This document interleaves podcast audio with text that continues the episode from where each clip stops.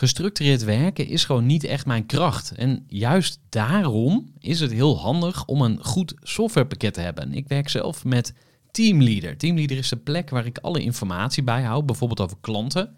Waarin ik offertes maak en verstuur en die digitaal laat ondertekenen. Waarin ik facturen verstuur, waarin ik lijstjes bijhoud, waarin ik projecten kan managen, waarin ik standaard e-mails kan programmeren. Kortom, ik gebruik Teamleader om alle werkprocessen van mijn bedrijf te stroomlijnen. En zeker ook als je met een team werkt, is het heel fijn om over dezelfde informatie te beschikken. Nou, als je ook benieuwd bent of er mogelijkheden zijn om jouw bedrijf meer te stroomlijnen, of je nu alleen werkt of met een team, ga even naar teamleader.nl slash groeivoer en je kunt dan vandaag nog een trial starten voor twee weken lang, gratis. En je kunt Teamleader volledig uitproberen. En na de proefperiode krijg je ook nog zo'n leuke korting als luisteraar van Groeivoer. Ga naar teamleader.nl slash groeivoer. Groeivoer. Groeivoer. Groeivoer. Zoek je inzicht, inspiratie voor je eigen bedrijf. Wil je elke dag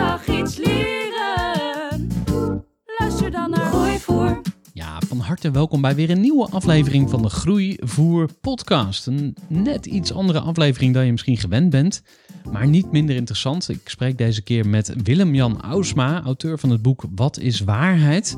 Nou, Willem-Jan is eh, lid van de Groeiclub voor Ondernemers, omdat hij ook bezig is met zijn persoonlijke groei als ondernemer. Want hij is natuurlijk niet alleen strafrechtadvocaat, maar hij moet ook zijn eigen broek ophouden. Hij heeft zijn eigen advocatenkantoor. Nou, je ontdekt in deze aflevering hoe hij dat heeft opgebouwd en hoe hem dat vergaan is. Uh, en we hebben het natuurlijk ook over zijn boek. En ja, waarom heb je dit boek geschreven, Willem-Jan? Wat is waarheid?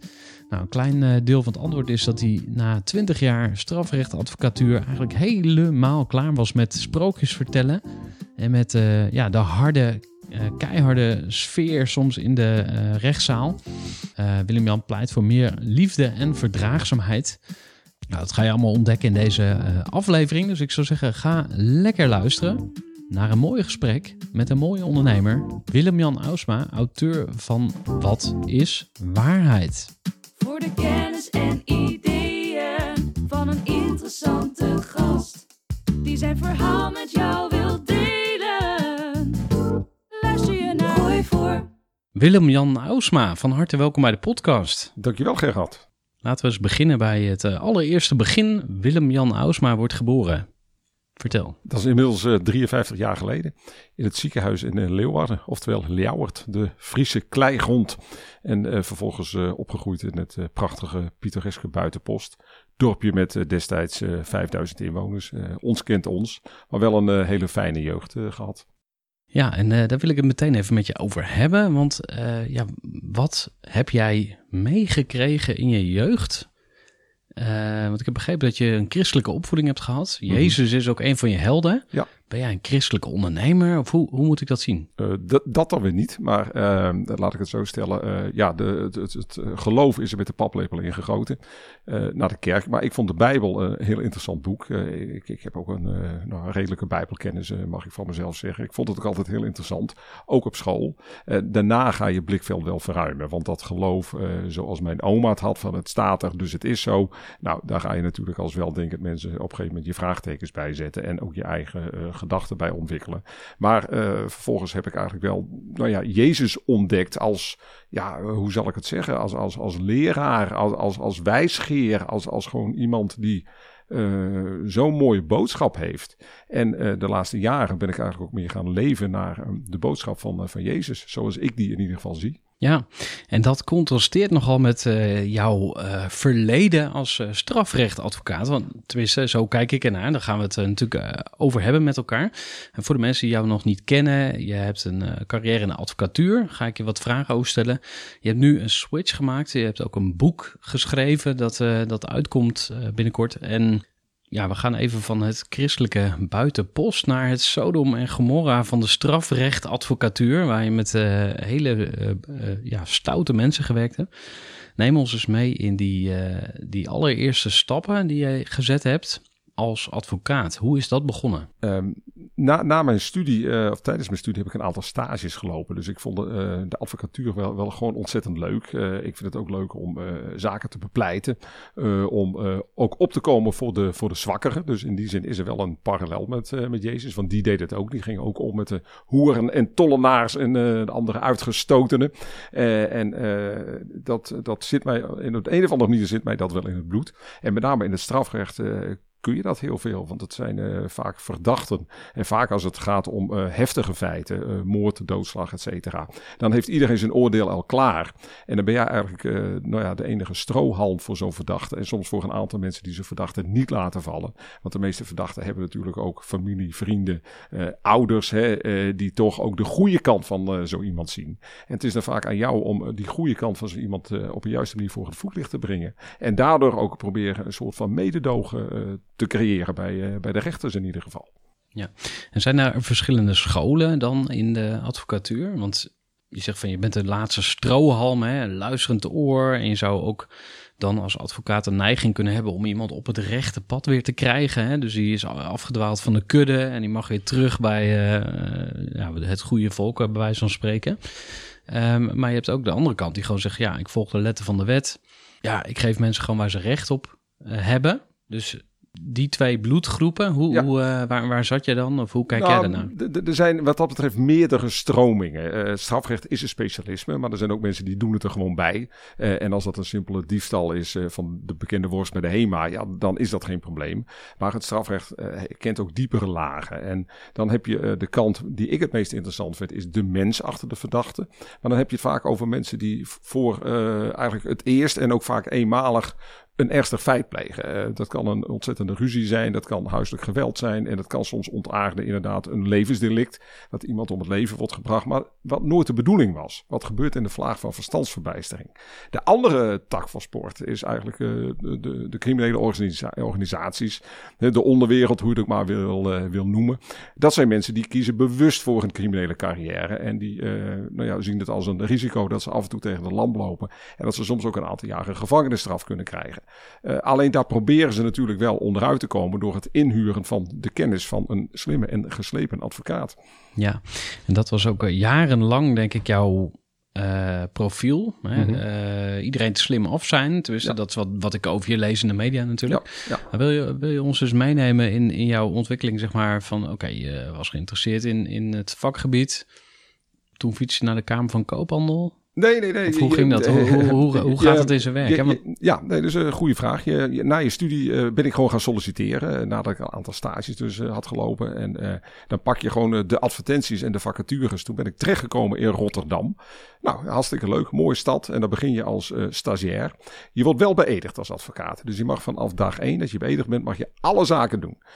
Alleen het is de vraag of je daar verstandig aan doet. En uh, in mijn tijd, en dat is inmiddels meer dan 25 jaar geleden, we hebben het over 1995, was het nog vrij gebruikelijk dat je bij kleine kantoren gewoon alles deed. Dus je deed uh, familiezaken, je deed strafzaken, maar er kon ook wel eens een uh, arbeidszaak tussendoor komen of een ingewikkelde civiele zaak. Maar het kwam gewoon allemaal op jouw bordje en je wist overal net iets van. Ik kwam er wel achter na verloop van tijd dat ja, overal net iets van weten, dat is onvoldoende. Want een officier van justitie, die je soms als tegenstander hebt, die doet alleen maar strafzaken. Ja, en daardoor zelf je af en toe het onderspitten, omdat je gewoon uh, te weinig kennis hebt. Want het is gewoon niet te doen om al die ontwikkelingen bij te houden. Dus dat was voor mij wel een moment uh, om te gaan denken, ik ga mij specialiseren. Dan uh, kijk je natuurlijk ook de kunst af van de mensen die het al langer doen. dat heb ik ook heel veel gedaan. Ik heb heel veel in de zittingszaal gezeten met ervaren advocaten. En daar leer je eigenlijk de, de kunstjes en, en, en, en de trucjes. En die ga je ook verbeteren. En uh, nou ja, heel veel studie, heel veel lezen. En, en zo probeer je jezelf te ontwikkelen. Met name op dat gebied van het strafrecht. Ja, uh, en wat waren rolmodellen voor jou die nou, met name Paul, Paul, Bovens, die heb ik in, uh, in Utrecht uh, leren kennen. Uiteindelijk heeft Paul zijn togen aan de wil gehangen vanwege een bomaanslag op zijn kantoor. Toen werd de sfeer al iets grimmiger. Nog geen vergelijking met hoe het nu gaat. Maar in die tijd had je toch af en toe ook te maken met mensen die, ja, als het hun niet zinde, ze maar één manier hebben om dat op te lossen. Dat is door middel van geweld of, uh, of dreigen met geweld. Uh, nou ja, net wat ik al zeg, dus vandaag de dag is dat natuurlijk uh, volledig ontspoord. Ook een reden voor mij om te zeggen, ik vind dat soort zaken niet meer leuk.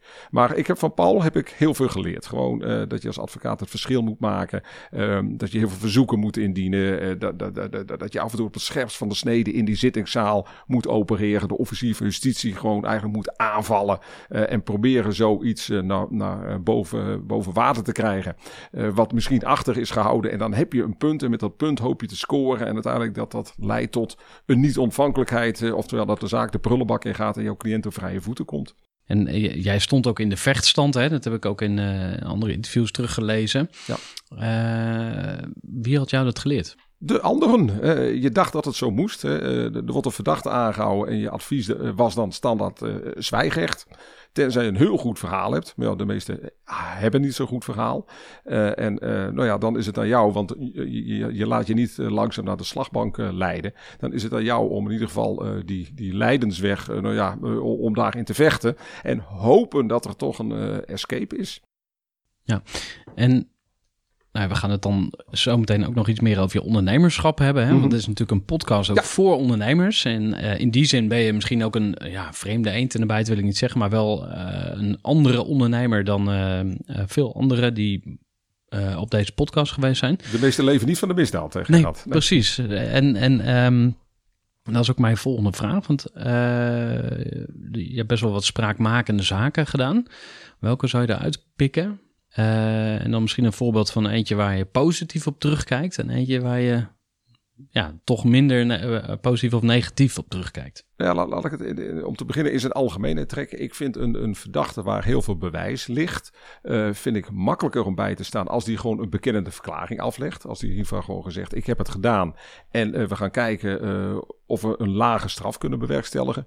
Dan iemand die tegen beter weten in zijn kaken stevig op elkaar houdt. Dan heb ik op de zitting heb ik eigenlijk ook niks behalve een onzinverhaal ophangen waarvan ik denk, ja, nou de kans hè, de, de, dat ik het geloof is een dagen toe, maar dat de rechters het geloven, die kans is uh, uit te sluiten. Uh, dus da daar zit al een essentieel verschil in. Uh, en, een, van mijn laatste zaken waarbij ik toen ook dacht, nou, dit ga ik gewoon niet meer doen, was de moord op Laura Kosman, een studente hier in, in Utrecht, door haar belager, stolker, uiteindelijk om het leven gebracht. En hij kwam elke keer weer met een andere verklaring en op de zitting kwam met het verhaal. Ja, het was zelfverdediging. Zij stond daar met een mes en uh, ik heb uh, nou ja, moeten vechten voor mijn leven. Dat was zo'n moment dat ik dacht, ja, het zal je dochter maar zijn die uh, op zo'n vreselijke manier om het leven wordt gebracht. En een verdachte die komt met zo'n verhaal. Moet ik wel de kanttekening bijmaken dat hij aantoonbare stoornis heeft. Uh, en dat dit wel een onderdeel is van zijn stoornis. Dus je kunt van hem ook niet verwachten dat hij gaat vertellen wat er is gebeurd. Maar goed, los daarvan, dat was wel zo'n moment dat ik denk, ja, ik, ik ga hier niet in mee. Ik, ik, ik ga nou niet uh, vurig bepleiten dat het absoluut sprake was van zelfverdediging en dat hij daarom uh, niet strafbaar is, et cetera. Ik denk, dat daar sta ik gewoon apenkool te verkopen en dat, dat wil ik niet. Ja, want je zei, het zal je dochter maar zijn. Je hebt ook een dochter? Of? Ja, ja, klopt. Ja. ja. is die ook letterlijk door je geest geschoten op dat moment? Of ja, in, ja, in, zekere zin wel. Uh, en, en, de ouders zaten daar ook, uh, die, die, die mochten ook spreken. Uh, dan wel hadden in ieder geval een verklaring waarbij ze de rechtbank ook duidelijk hebben gemaakt wat, wat dit met hun doet. En ik, ik, nou ja, dat, dat kwam echt wel binnen. Vroeger sloot ik me daarvoor af. Dan denk je, dat, dat moet je ook doen, want anders kun je eigenlijk je, je vak niet uitoefenen. Dan wordt het gewoon too much. Dus ik denk, oké, het hoort erbij, maar het is niet mijn cup of tea. Dus ik hoor wat ze zeggen, maar verder niet. Nou, nu liet ik het binnenkomen en denk ik, ja, dat, dat, is verschrikkelijk. En daar wil ik daar niet vervolgens een, een onzinverhaal uh, tegenover stellen.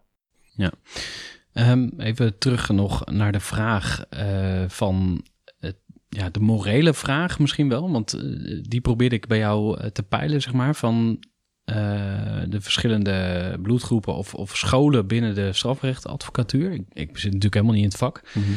Maar op een gegeven moment komt bij de gemiddelde burger, denk ik, in ieder geval bij mij, die, die morele vraag op tafel. Van ja, kun je het aan jezelf verantwoorden om inderdaad broodjes, uh, broodje apen verhalen nog uh, met een strak gezicht te verkondigen? En dan kijk je in die spiegel.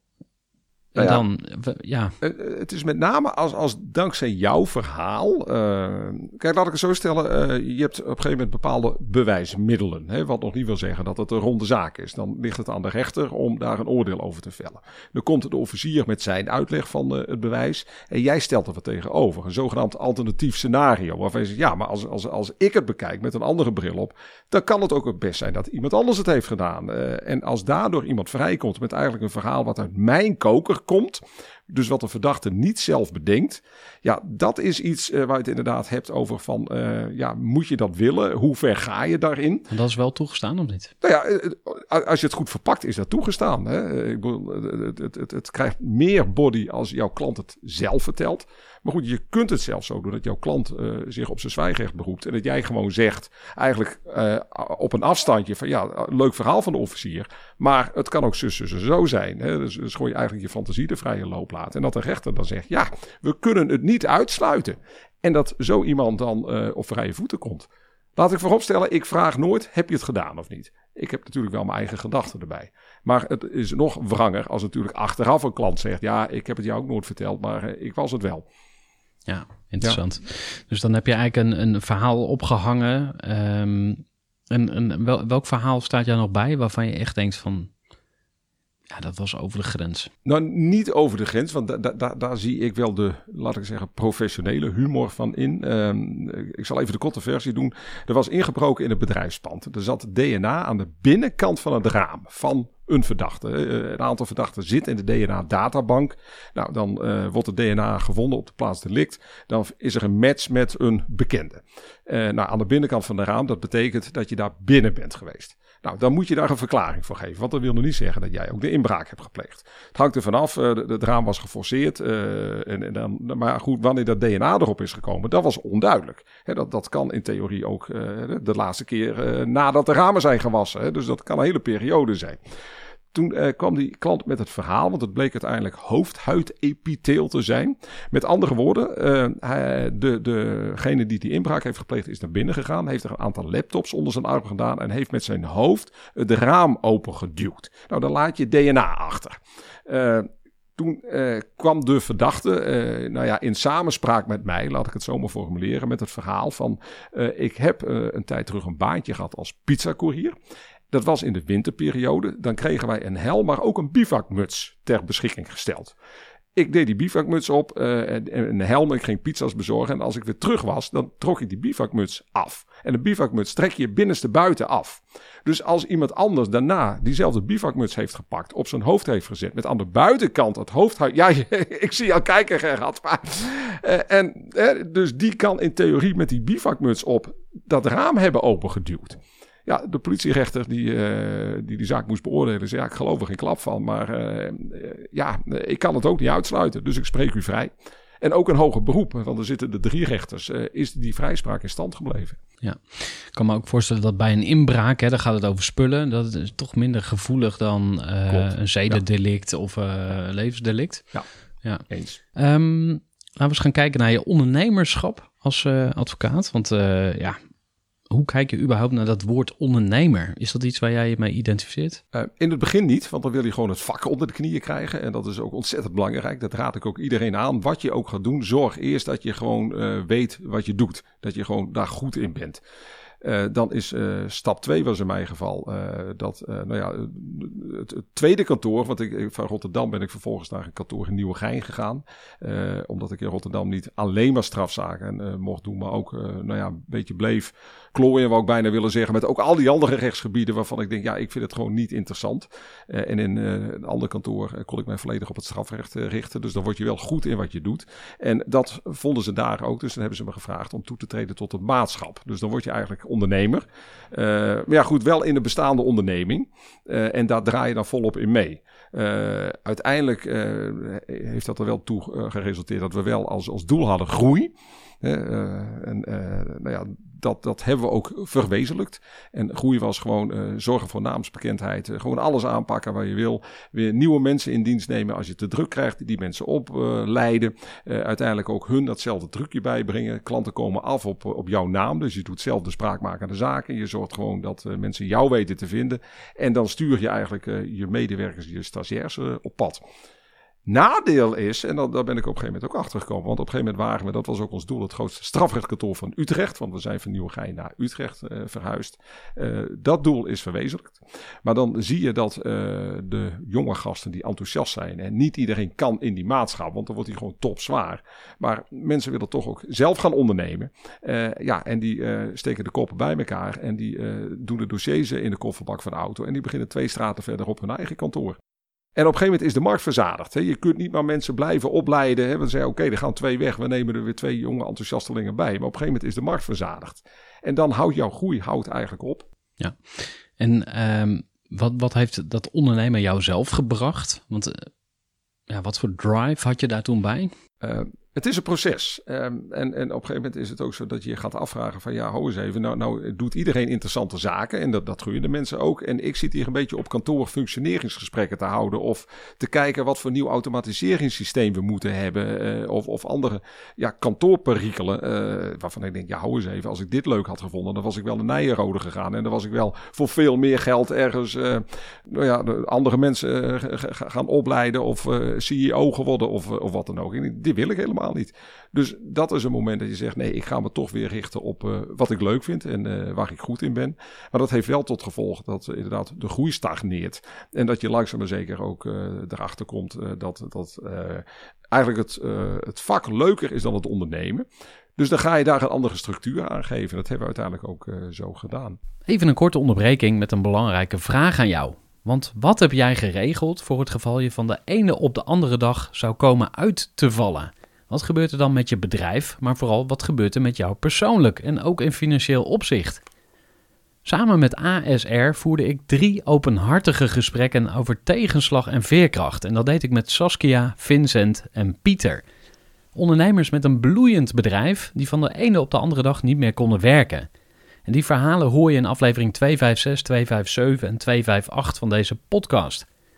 Als ondernemer wil je natuurlijk niet uitvallen. En daarom is het belangrijk dat je veerkrachtig bent, want voorkomen is beter dan genezen.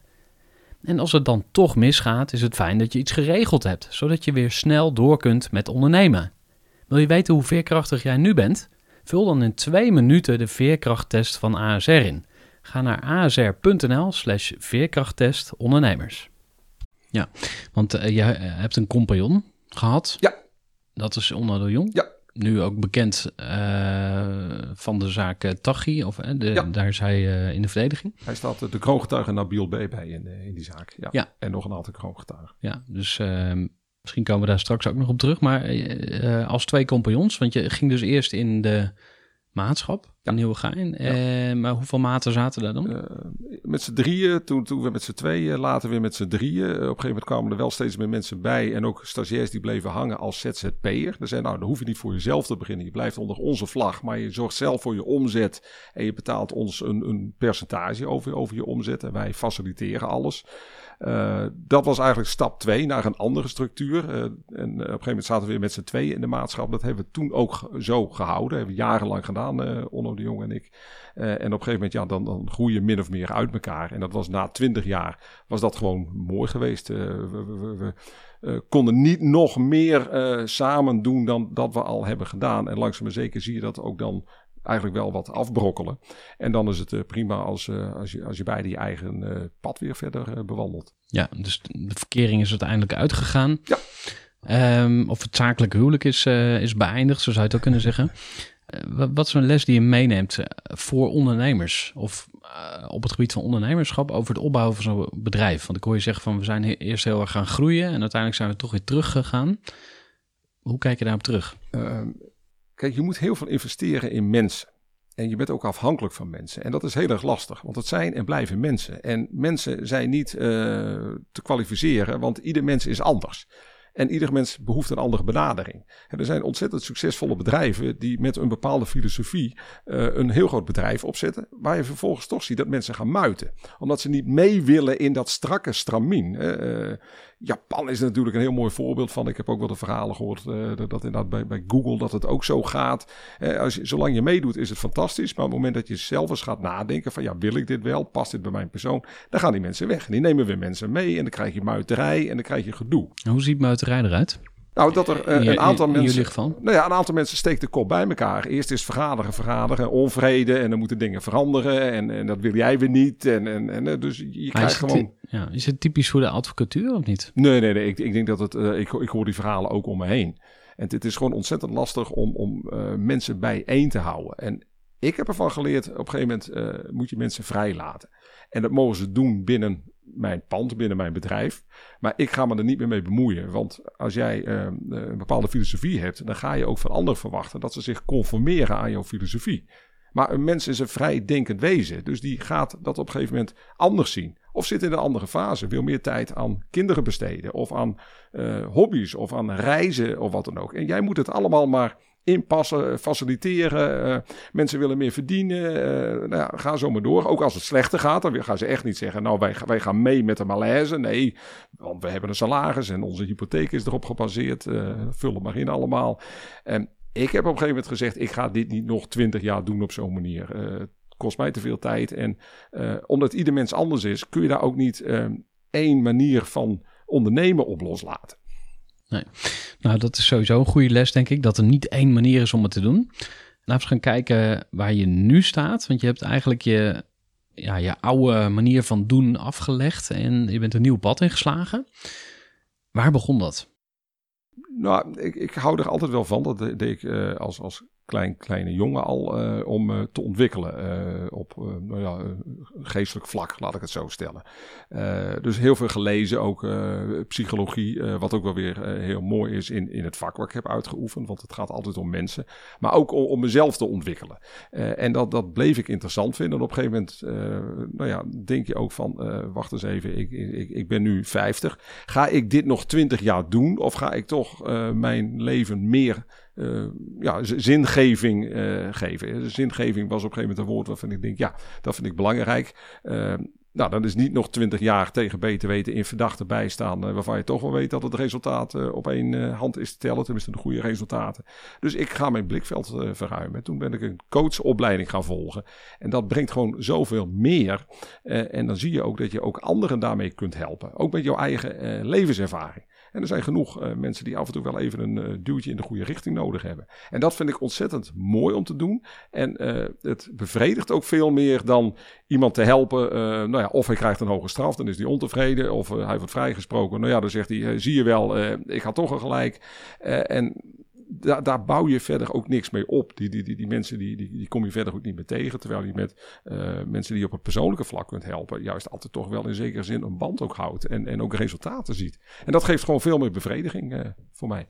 Ja, en wat is nou één ding wat je geleerd hebt over jezelf tijdens die coachopleiding of tijdens die periode dat je daarmee bezig was? Eh, dat je eigenlijk gewoon eh, je hart moet volgen en, en moet doen waarvan jij denkt dat dat het beste is. Eh, het moment dat je dingen gaan tegenstaan, dan moet je daar niet in doorgaan. Je kunt natuurlijk niet van de een op de andere dag het roer omgooien. Er zijn mensen die het wel doen. Ik bedoel, petje af, maar zo werkt dat in de meeste Heb je gevallen iemand niet. in gedachten? Of, Nou, het zijn er meer de verhalen die je wel leest. Eh, van ja, en toen was ik er zo klaar mee, toen gooide ik het roer om. Maar vaak zit er nog wel een tijd van bezinning tussen. En het moet natuurlijk ook financieel allemaal kunnen. Maar er zijn natuurlijk genoeg mensen eh, die dat wel hebben gedaan. Hè, petje af. Maar meestal is het een proces. En, en dat was het voor mij ook. Eh, en eh, ik merkte op een gegeven moment aan mezelf. En op een gegeven moment begonnen ook klanten het, het, het, te- zien of te voelen. Van ja, je, je, je, je passie is weg. Je gedrevenheid is weg. Dat ik bij mezelf dacht, maar dat kun je niet zeggen. Ja, wat denk jij met, met, jouw flauwekul? Dat, dat ik, ik kan toveren en ervoor kan zorgen dat jij eh, ermee wegkomt. Hè? Eh, terwijl je zelf eh, je telefoon gewoon mee had naar de plaats delict. En, en, nog foto's hebt gemaakt ook. Hè? Ik noem maar even wat. Eh, dus klanten gingen dat vroeger. Dan eh, ging ik daar gewoon mee. En zei, nee hoor, goed verhaal. We gaan voor die vrijspraak. En stond ik daar ook een eh, vlammend pleidooi te houden. En mensen merken dat. En ik zelf dus ook. En dan moet je het ook niet blijven doen. Dus dan moet je daar wat anders voor vinden. En vanaf dat moment ben ik gewoon ook meer mijn hart gaan volgen. En denk van nee, de mensen die ik wel kan helpen die spijt hebben, eh, die, die, die, die, waar ik een goed verhaal kan neerzetten waarom ze tot iets zijn gekomen. En vervolgens ook verder kan helpen weer eh, terug de maatschappij in. Dat geeft mij voldoening. En die klanten die bleven ook. En die, die liepen ook met mij weg. En, eh, en, en da- daar was gewoon ook, ook de waardering. Ik denk, ja, dan moet ik die andere klanten, waar die waardering er niet was. En mijn nou ja, inspanning ook niet meer. En mijn betrokkenheid niet meer. Ja, dan moet je dat ook niet blijven doen. En dat, dat vind ik wel heel erg belangrijk. Dus blijf vooral niet doormodderen in iets waar je passie niet meer eh, in zit. Ja, en waar heb je dan die 20 jaar, om het even zo uh, heel grof samen te vatten, maar waar, hoe lukt het jou dan toch om iedere keer dat vlammende betoog uh, op tafel te krijgen, zeg maar? Waar, waar, waar volg je het toen voor? Pleit, pleiten is gewoon leuk. Uh, ik, ik, stond op lagere school en graag op het podium. En dan wel ook niet uh, de bijrol, maar als het een beetje kon de hoofdrol. Uh, dus dat, dat, dat zit in je. daar hou ik gewoon van. Dus wat voor zaak het ook is, wie het ook is. het moment dat jij dat podium hebt in die zittingszaal ja, dat zijn momenten, uh, daar loop ik warm voor. En dan vind ik het leuk om daar een goed verhaal te houden. Af en toe met uh, wat, grappen, wat woordspelingen, als de zaken toelaat. Uh, nou ja, rechters echt aan het nadenken zetten, met onverwachte dingen komen. Geen voorleesbeurt, maar gewoon daar iets neerzetten.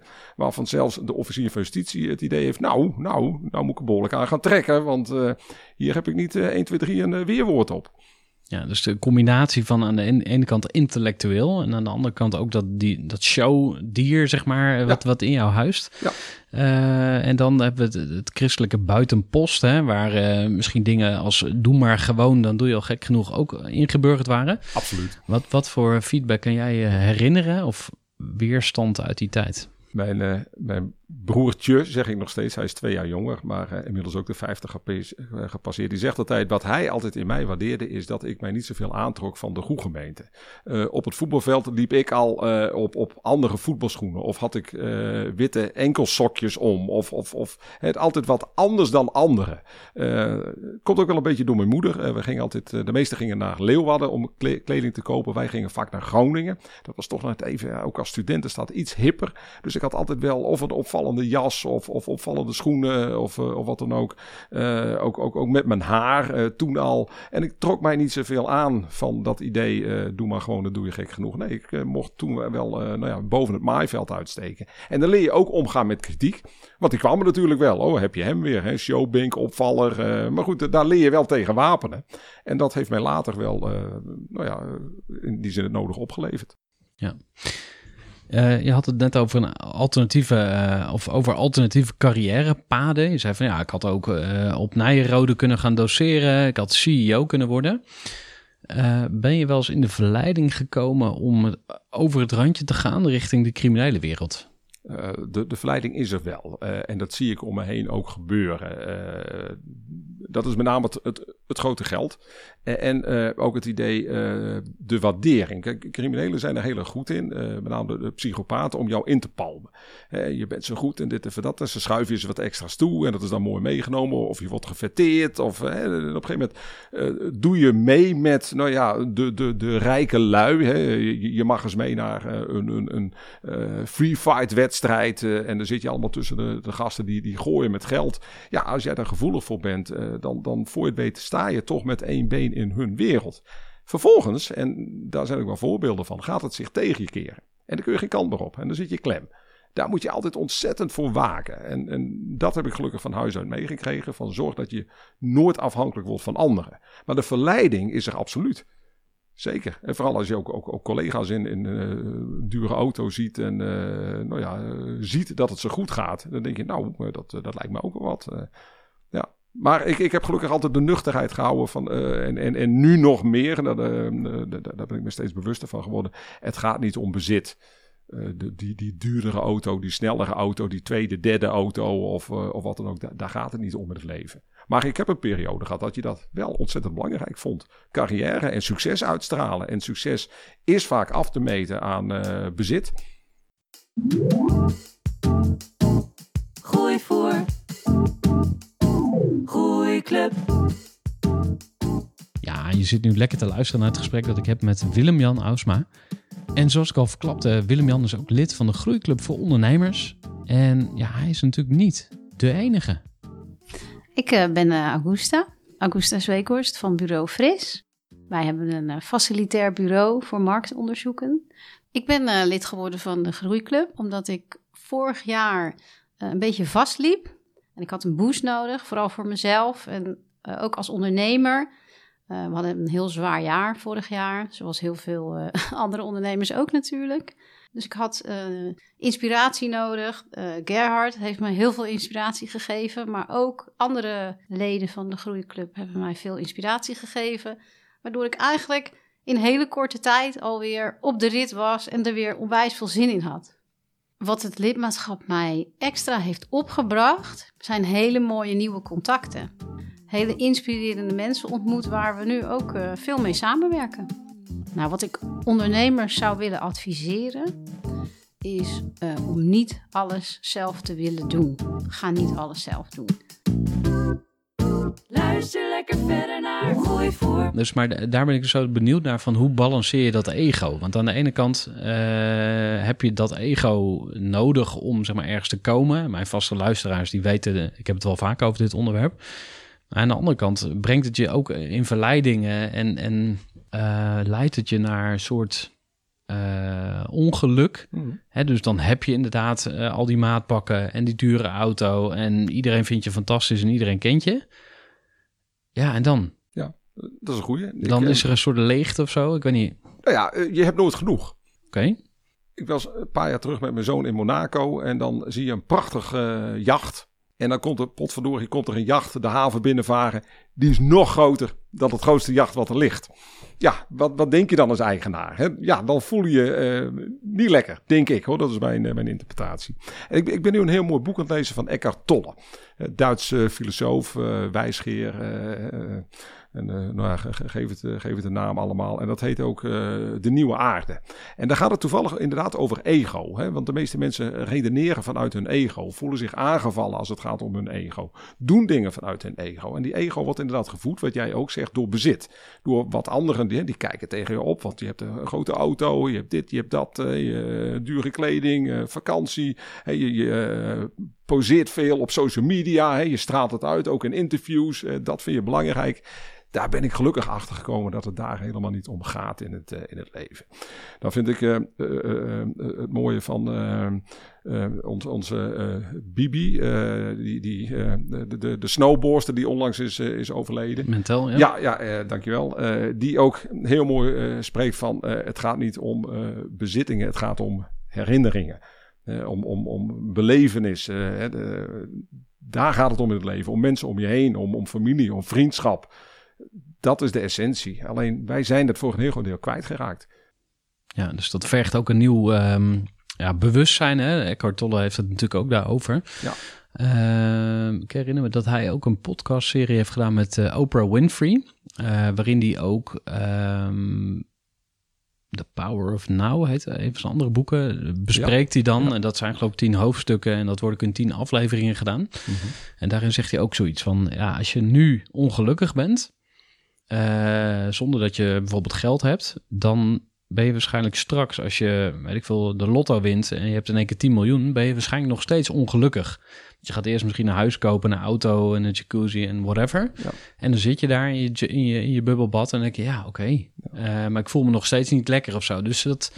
Maar wat ik fascinerend vind... is dat het dan eh, zo lang duurt in jouw geval 53 jaar, om daarachter te komen. Dus als kind ben je gewoon zielsgelukkig.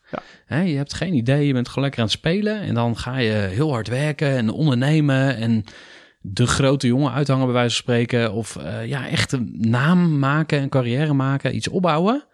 En dan? Ja. Dus maar wat moeten we dan doen? Moeten we dan maar op onze handen gaan zitten eh, of in de hangmat liggen? Wat denk jij? Laat ik zo stellen, ik ben blij dat ik erachter ben gekomen. Want de meeste mensen komen er nooit achter. Heb je daar een voorbeeld van? Eh, niet, niet concreet, maar dan haak ik toch weer even aan inderdaad op, op, op Bibi Mentel. Die ook zegt, eh, en, en dat zegt ook de Eckhart Tolle, op je sterfbed denk je aan de mensen. Denk je helemaal niet. Ik, je kunt doodgaan in, in, in, in een prachtige villa, maar je gaat wel dood. En dan heb je niks meer aan die villa. En dan heb je niks meer aan die eh, garage eh, met, met al die eh, dure Bentleys en snelle auto's en wat dan ook. Dat besef, dat komt bij de meeste mensen pas, pas veel te laat. En die blijven hun hele leven zo leven om steeds maar meer bezit en, en meer ego te vergaren. En als je erachter komt, en, en dat is ook een beetje wat jij ook zegt, van, eh, dan moeten we ook met z'n allen die boodschap ook, ook verspreiden en, en dat ook met anderen delen. En er zijn steeds meer mensen die dat ook ervaren, die ook zeggen, het gaat hier niet om. Een deel van de bevolking wel. Dat, merk je nu ook een beetje met die coronadiscussies. Een aantal zijn heel erg voor zichzelf bezig en, en maar boos zijn en weet ik veel wat allemaal. En ook een aantal mensen die zeggen: nee, dit is een moment voor bezinning. Om anders tegen dingen aan te kijken. En gelukkig zie je ook steeds meer mensen. Of misschien spreek je die juist ook wel omdat je er zelf ook open voor staat. Over dat soort onderwerpen. En uiteindelijk is dat wel iets. eh, ja, je komt er geleidelijk achter. Hè? Eh, het- is een proces, wat ik net ook al zei. En ik ben heel blij dat ik dat wel tijdig, ook al was dat na mijn vijftigste, wel heb ontdekt. Want voor je het weet, en zo ben je opgevoed. En dat is de maatschappij, dat is eh, wat ook door media eh, steeds wordt eh, gepropageerd, zeg maar. Je moet succesvol zijn. Hè? Je moet, hè? en, en nou ja, succes hangt van bezit af. En het, het zit zo in ons systeem in ons westerse systeem van, van, van, mensen. Amerika precies hetzelfde. Je komt er niet onderuit.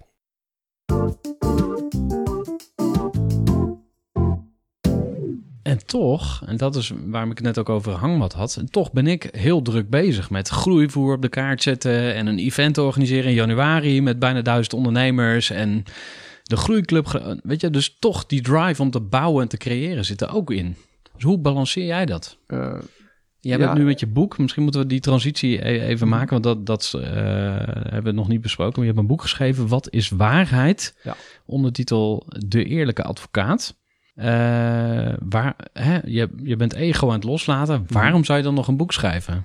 eh, nou, om, om je boodschap te verkondigen. Eh, en en ik, ik krijg ook inspiratie van anderen die dat ook in boekvorm doen. Dus ook ik vind voor een, een, andere kijk op het rechtssysteem, op het strafrecht, hè, meer mededogen. kijk naar de persoon achter de verdachte. Eh, en dan heb ik het niet over de beroepscriminelen, maar eh, de mensen die iemand anders om het leven brengen. eh, de, de crime passionnel, verzin het allemaal maar. Mensen staan heel snel te oordelen. En de straffen moeten omhoog en er moeten minimumstraffen komen. Hè. De, de, de overheid is wat dat betreft ook koploper. Het moet alleen maar harder straffen, aanpak. Oh ja. Nou, je- ziet het natuurlijk bij, bij de, een vreedzame demonstratie die met harde hand uiteen wordt geslagen. Want ja, oh, hè, anderhalve meter. hup. En, en er worden gewoon eigenlijk vreedzame burgers. het voorbeeldje van, van, van dat meisje die daar loopt, die, die nog even zo'n waterkanon op haar krijgt gericht. Nou, de, de figuur die in zo'n tank zit, die die waterkanon eh, bestuurt, is ook een persoon. Ook net als jij en ik. En die komt s'avonds ook thuis. Misschien heeft hij een gezin. Dan kan hij eh, misschien na, bij de nabespreking... Hey, goed schot. Hè, deed je maar even mooi. Terwijl als hij thuis zit, denk ik ook zoiets heeft van... Ja, maar wat heb ik gedaan? Iemand die ik helemaal niet ken. Die daar loopt. En ik krijg de opdracht. Hè, dat zit in mijn systeem. Dat ik, ik, ik moet het recht handhaven. Dus ik schiet er iemand eh, even met zo'n straal... eh, zodat hij met, met, haar hoofd tegen de muur aankletst. Dat besef dat moeten we met z'n allen eh, anders zien te, te, te krijgen. Dat, dat moeten we ja, herprogrammeren. Hè. Luister naar elkaar. Hè. En ik, ik zeg altijd lul. Wat betekent voor mij leef uit liefde. Eigenlijk zou iedereen dat gewoon op, op zijn borst moeten hebben in een t-shirt. Kijk naar iemand als een liefdevol persoon. En door het systeem, en daarom noem ik ook die politieman, maar zo'n meisje wat, wat, wat, wat er loopt. Ja, misschien heeft hij ook wel hele andere ideeën wat niet in ons systeem past. En, en, en, en waarvan wij allemaal vinden dat dat eh, leidt tot nog meer coronagevallen. Maar zij heeft haar gedachten erbij. Luister naar elkaar. De politieman heeft zijn gedachten erbij. En dat botst verschrikkelijk. Terwijl als ze elkaar zouden ontmoeten en een gesprek zouden hebben, denk ik dat zo'n politieman ook zegt: Ja, sorry meisje, dit was helemaal niet mijn bedoeling. En misschien dat zo'n meisje dan ook zegt: Nou ja, goed, ik snap dat jij je werk moet doen, maar. eh, ik was daar gewoon maar eh, toevallig omdat ik eh, mijn stem wilde laten horen, maar helemaal niet om een rotzooi te trappen of wat dan ook. Dus je hebt mij ook al veroordeeld voordat je mij kent. Dat, dat is waar we naartoe eh, te veel nog in zitten in ons systeem. En ik, ik zie een nieuwe stroming, en ik hoor dat gelukkig ook bij jou, Gerald, van eh, laten we daar anders tegen aankijken. En dat is ook een beetje de strekking van mijn boek. Eh, ik, ik weet het meeste van het strafrecht, dus daar kan ik in ieder geval al wat over zeggen. En ik hoop dat die boodschap op die manier wat te verspreiden over anderen, om toch wat anders te gaan denken en gewoon meer uit liefde te leven. Ja. Ehm, wat moeten we dan gaan doen? Wat moeten we gaan laten? Is dit relevant voor eh, iedereen of echt vooral voor mensen in, in het strafrecht en daar direct omheen? Een, een andere eh, aansprekende schrijver voor mij is eh, Paul Verini. En dat is een Amerikaan, ook een filosoof, ook inderdaad, nou ja, Uh, die, die net, net als Eckhart Tolle uh, ook, ook eigenlijk daar mindfulness uh, predikt. En die heeft een heel mooi boek geschreven dat heet Liefde zonder voor of Liefhebben zonder voorwaarden. En hij beschrijft de persoon van Jezus, dus dat sprak mij ontzettend aan. Maar hij zegt de boodschap van Jezus is niet wat in de Bijbel staat en wat de kerk daar allemaal van heeft gemaakt. De boodschap van Jezus is liefde. En hij zegt ook God is liefde. God is de universele liefde in ieder mens. Want ook de grootste boef, hè, mits die natuurlijk niet uh, een, een, een, uh, aantoonbare stoornis heeft, hè, want dat is een hele andere categorie, daar had ik het net ook al over, maar no normale mensen, die houden ook van hun kinderen, die houden van hun ouders, die houden van hun broers en zussen. Hè, dus die liefde, alleen die liefde is soms heel ver te zoeken. Door, zoals jij dat eigenlijk ook net noemde, je manier van opvoeden door de maatschappij, ik noem het altijd vastgeroeste denkpatronen. Maar als je die kunt loslaten en veel met de liefde ziet in de ander, en dat gewoon al begint gewoon om je heen. Naar, naar, naar, naar je vrienden, naar je familie of in de stad. Uh, bekende verhaal, uh, twee mensen op een fiets. Uh, de een moet remmen, de ander let niet op. En, en, en, voor je het weet heeft nog iemand, ondanks dat hij haast heeft, wel de tijd om af te stappen. En iemand een knal van zijn kop te geven. En die kom ik dan weer tegen. de een moet als verdachte voorkomen of de ander wil een schadevergoeding. Dat ik denk, mensen, knijp even in je remmen. Knik even, goed even, uh, heb even begrip voor de ander. Als we dat daar al meer zouden doen, gewoon in het dagelijks verkeer, tegen mensen die je niet kent, maar die mensen benadert als mensen die ook uit liefde leven, dan zakt die boosheid. En dat is volgens mij de manier waarop de maatschappij weer op een normale manier met me kan om, uh, om kan gaan. En dat maakt er ook toe dat de mensen met extreme gedachten uiteindelijk die gedachten ook wel weer wat terugschroeven. Want met dat extreme, daar kom je er niet mee. En dat is het hele mooie om even brugje te maken naar de dodenherdenking en bevrijding. Die totalitaire systemen, wat natuurlijk de Duitsers ook voor ogen hadden, dat werkt niet. En dat zie je nu ook. Hè. Je, je hebt een mening en dat zie je ook in de politiek. Nemen zoals wij het zien, zo moet het. Dus eigenlijk wil je iedereen die mening opdringen.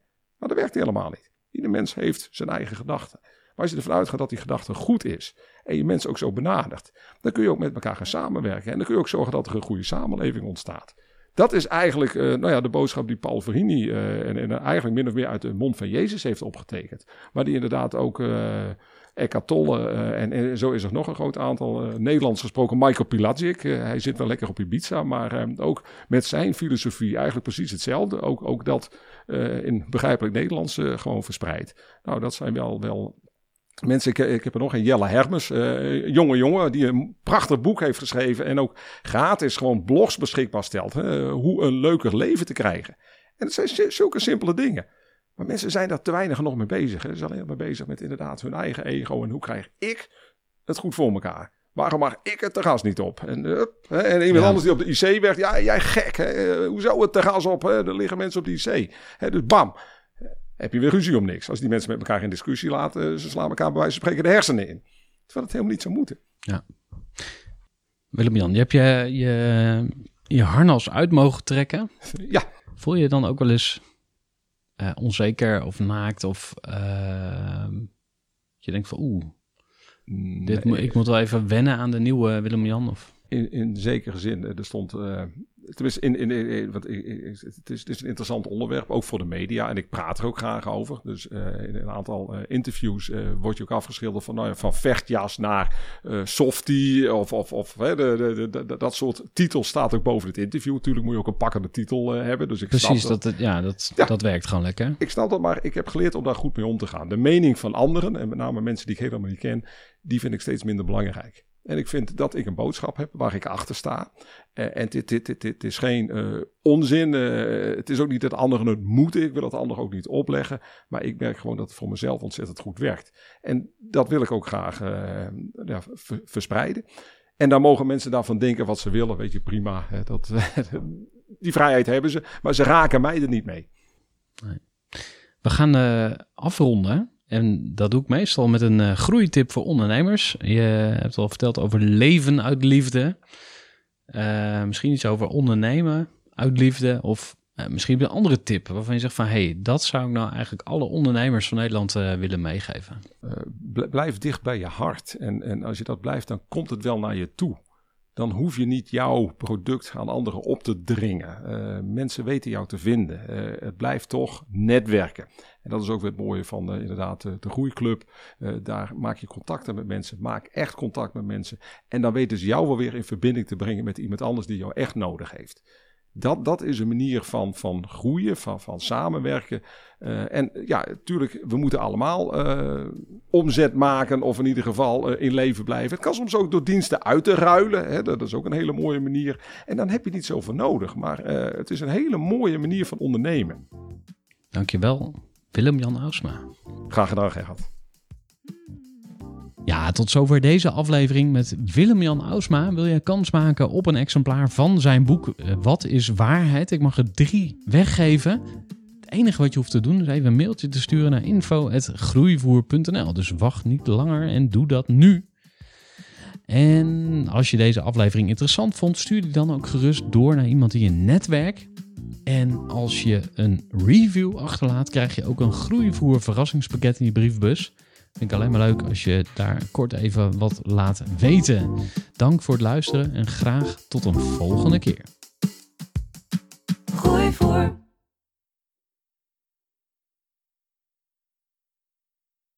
Gestructureerd werken is gewoon niet echt mijn kracht. En juist daarom is het heel handig om een goed softwarepakket te hebben. Ik werk zelf met Teamleader. Teamleader is de plek waar ik alle informatie bijhoud, bijvoorbeeld over klanten waarin ik offertes maak en verstuur en die digitaal laat ondertekenen, waarin ik facturen verstuur, waarin ik lijstjes bijhoud, waarin ik projecten kan managen, waarin ik standaard e-mails kan programmeren.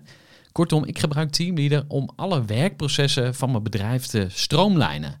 En zeker ook als je met een team werkt, is het heel fijn om over dezelfde informatie te beschikken.